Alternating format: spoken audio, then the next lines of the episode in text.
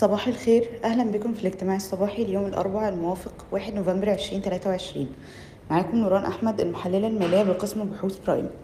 من أهم أخبار ال macro النهاردة أن مصر خفضت إمدادات الغاز الطبيعي لشركات الأسمدة ب 30% بعد ما تراجع تصدير الغاز لمصر من 800 مليون طن يوميا لصفر.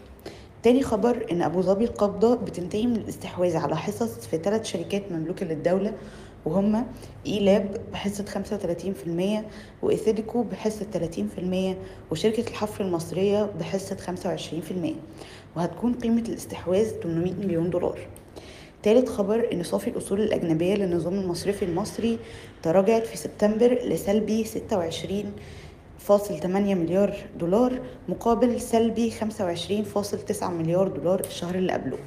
وجدير بالذكر أن صافي الالتزامات الخارجية ارتفع لرقم قياسي جديد عند 27.1 مليار دولار ودي تعتبر أول مرة ترتفع فيها الالتزامات من شهر يونيو 2023 بالنسبة لأخبار الشركات أعلنت أبو قير عن نتائجها الأولية للربع الأول 2023 2024 واللي سجلت فيه صافي أرباح ب 2.02 مليار جنيه بتراجع 27% على أساس سنوي وانخفضت الإيرادات ل 4.33 مليار جنيه بتراجع 10% على أساس سنوي بعد انخفاض أسعار اليوريا عالميا مقارنة بنسبة مقارنة بنفس الفترة السنة اللي فاتت بالإضافة كمان لارتفاع التكاليف.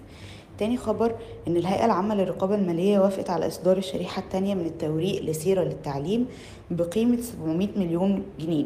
وجدير بالذكر إن سيرة أصدرت الشريحة الأولى بقيمة 800 مليون جنيه في يوليو 2022 والشريحتين ضمن برنامج التوريق الخاص بالسيرة اللي حجمه 2 مليار جنيه لتمويل مشروعاتها. وآخر خبر معانا إن كيما أعلنت عن تخفيض الحكومة لإمدادات الغاز هيكون غير مؤثر على الشركة حاليا بسبب توافر, مخزون من منتجاتها الرئيسية. شكرا لاستماعكم للاجتماع. الصباحي صباح الخير.